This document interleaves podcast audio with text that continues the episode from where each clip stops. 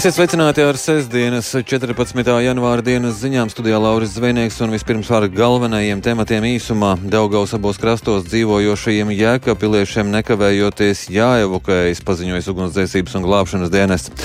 Iespējams, jau rīt būs salabots Lietuvā uzsprāgušais gāzes vats. Ukrainas pilsētas piedzīvojušas masīvus Krievijas raķešu triecienus par šiem un citiem tematiem turpinājumā.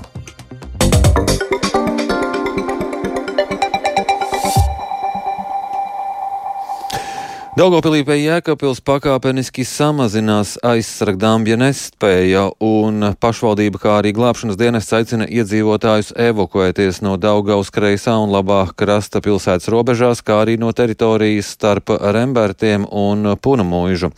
Pilsētu aizsargājošo dambi nepārtraukti uzrauga un stiprina, taču ar vienu ir dambja pārāvuma risks un attiecīgi liela ūdens masa var gāzties uz tuvējo māju rajonu. Vietvara iedzīvotājiem piekodina, ka ledus ūdens masā glābšanas darbi ir praktiski neiespējami. Plašāk Sintīs Ambotas reportāžā.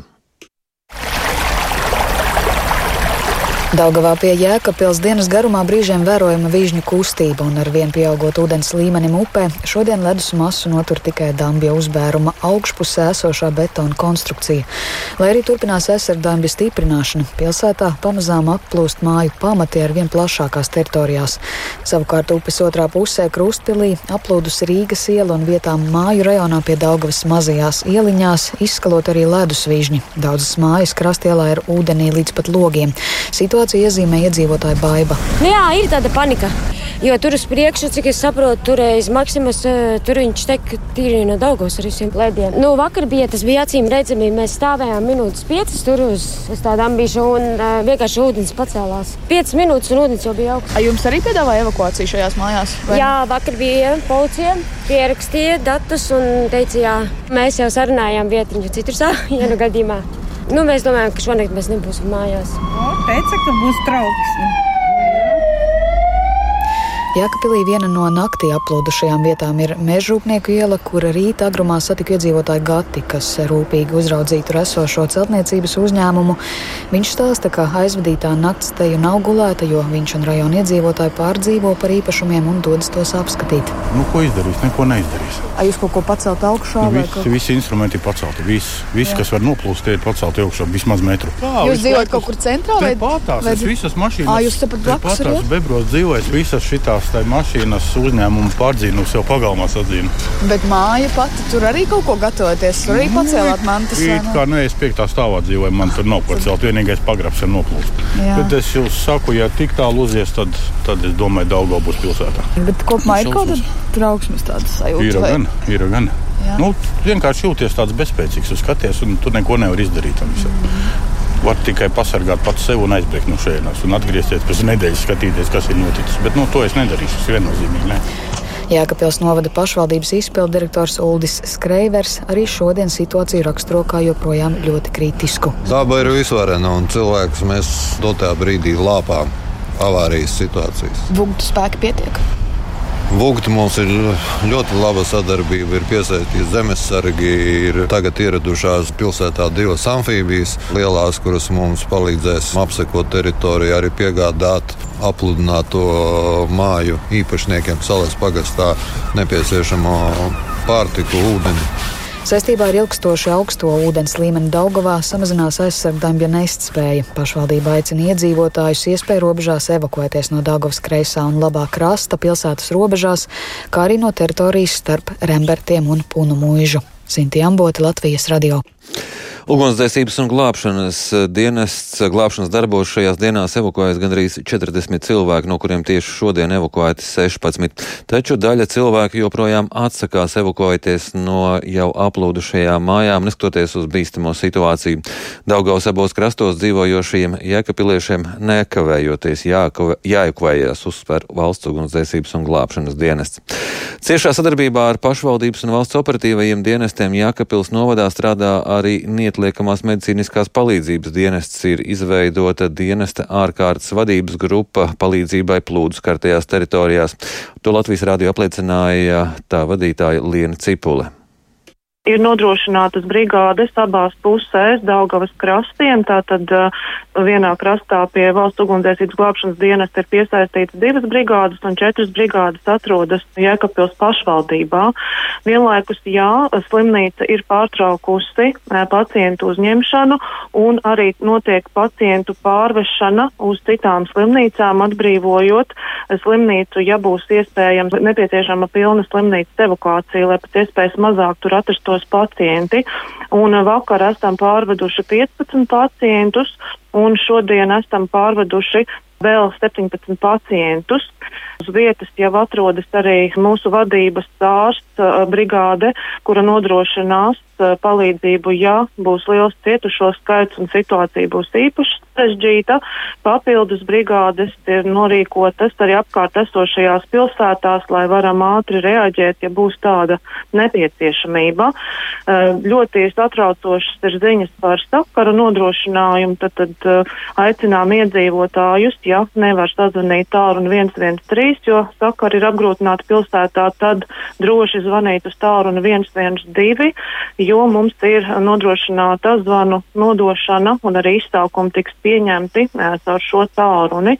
Un īpaši gribu aicināt iedzīvotājus, kas evakuējas, neaizmirst ņemt līdzi savus medikamentus, ko viņi ikdienā lieto, lai izvairītos no veselības stāvokļa pasliktināšanās šajā situācijā.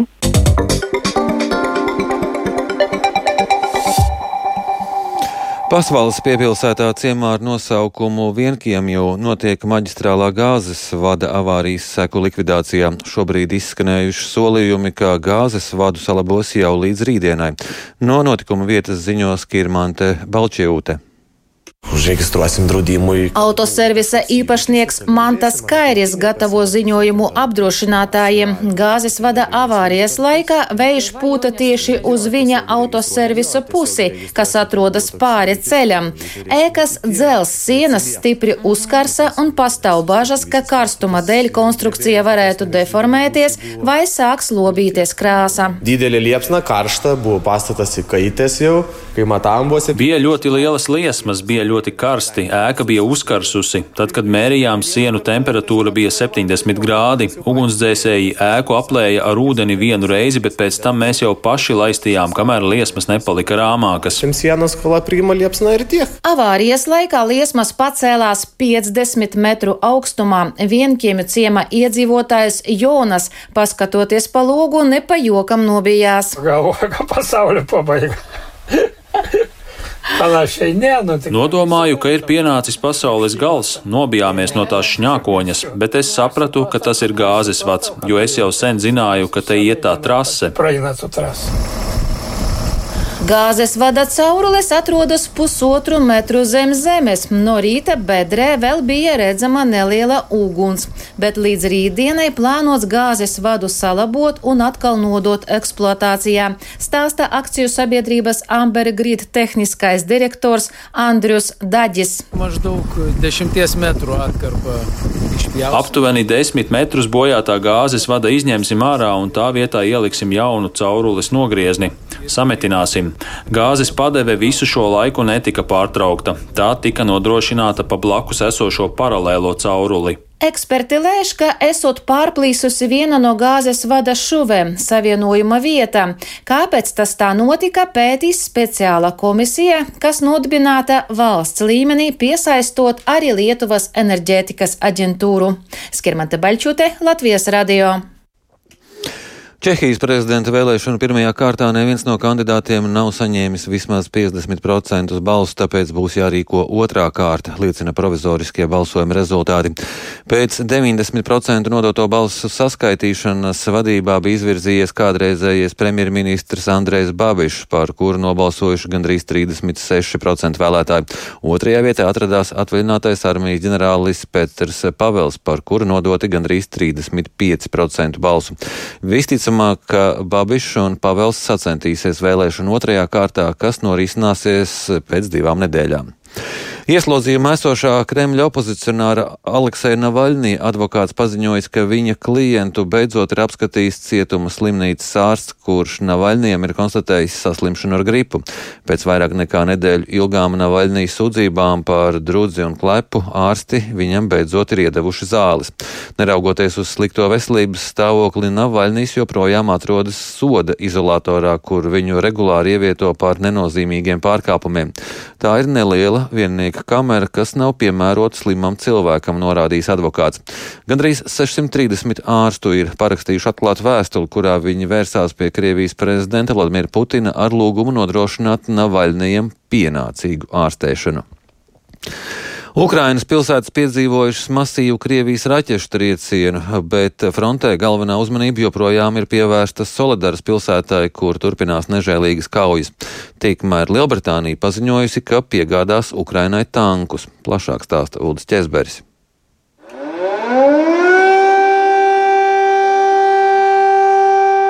Visā Ukrainā šodien vairākas reizes skanēja gaisa trauksme, kas brīdināja par Krievijas raķešu un aviācijas triecieniem. Galvaspilsētā Kīvā gan no rīta, gan pēcpusdienā bija dzirdami spēcīgi sprādzieni. Varas iestādes ziņo par vismaz vienu trāpījumu kādā infrastruktūras objektā. Dnipro pilsētā spārnotā raķete daļēji sagrāva deviņstāvu dzīvojamo ēku. No mājas drupām izglāba vismaz 15 cilvēkus. Notikuma vietā turpinās glābšanas un meklēšanas darbi. Agri no rīta ar raķetēm S-300 apšaubīt apšaudīja Harkivas rūpniecisko rajonu. Nav sīkāku ziņu par postījumiem, taču pēc triecieniem lielā daļā pilsētas nebija elektrības un uz laiku nācās pārtraukt metro satiksmi. Arī Ļvivas apgabalā raķetes ir trāpījušas kritiskajai infrastruktūrai, tāpēc ir notikuši elektroenerģijas un ūdens apgādes pārrāvumi.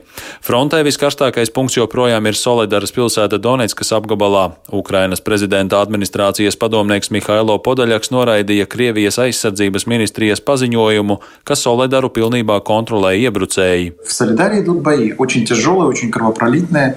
Никто не взял никакой Солидар, никто его не контролирует. Solidarā notiek kaujas, ļoti smagas un asiņainas. Neviens to nav sagrābis, neviens to nekontrolē. Diemžēl Solidaru pilnībā nekontrolē arī Ukraina, jo tur notiek ielu kaujas. Bet patiesībā tur pilsētas kā tādas nav, jo viss ir iznīcināts. Ja kādi civiliedzīvotāji vēl ir palikuši, tad viņi noteikti visu laiku laiku pavada pagrabos. Tur notiek kaujas uz grupām, un tās vēl kādu laiku turpināsies. Apvienotās karalistes premjerministrs Rišis Sunaks paziņojis, ka Briti piegādās Ukrainai 12 tankus Challenger 2. Četri no tiem Ukrainā ieradīšoties tuvākajā laikā.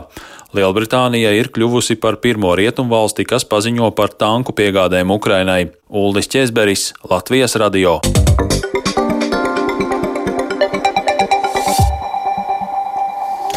Pasaules kausa posmā un Eiropas čempionātā kamaniņu sportā Siguldā noslēgusies sacensību pirmā diena. Vīriešu sacensībās divniekiem Mārtiņš Bots, Roberts Plūme nenosargāja pirmajā braucienā iegūto līderu pozīciju un divu braucienu summā viņiem otrā vieta. Savukārt gados jaunais divnieks Eduards Šveids, Mikeļs Ševits un Lūkas Krasts sasniedza karjeras labākos panākumu līdz šim izcīnot bronzu. Turpina Eiropas vicečempions Mārtiņš Bots. Protams, lielāks prieks ir par sudraba Eiropas čempionātā, bet ir tā rūkuma sajūta, ka maķinīt, maķinīt līdz galam neizdevās sacensības izplānotās. jā, bet uh, ir vēl kur augt. Ir vēl, ir vēl kur augt, jā, jā mazāk kļūdiņas vajag trasē, un te jau, te jau tas zelts arī būs. Sacensībās sieviešu divniekos Latvijas ekipāža Andu Upīte Sanija Ozoliņa izcīnīja otro vietu. Dienas noslēdzošajās sacensībās vīriem vienniekos Kristaps Aparjots samierinājās ar trešo vietu.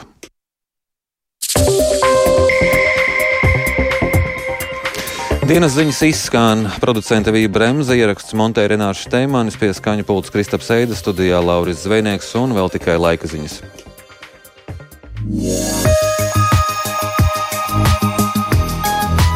Latvijā rīt mākoņdienas laiks, daudz vietu lietus, vietām ilgstoši vakarā austrumos arī slapjš sniegs no rīta vietām mīgla, mainīgi virziena vējš 1 līdz 5 m2, dienvidos rietumu, dienvidu rietumu vējš 4,9 brāzmās līdz 15 m2, gaisa temperatūra 5,10. Rīgā mākoņdienas laiks paliekam lietus, mainīgi virziena vējš, gaisa temperatūra 7,8 grādi, laika tips trešais nelabvēlīgs.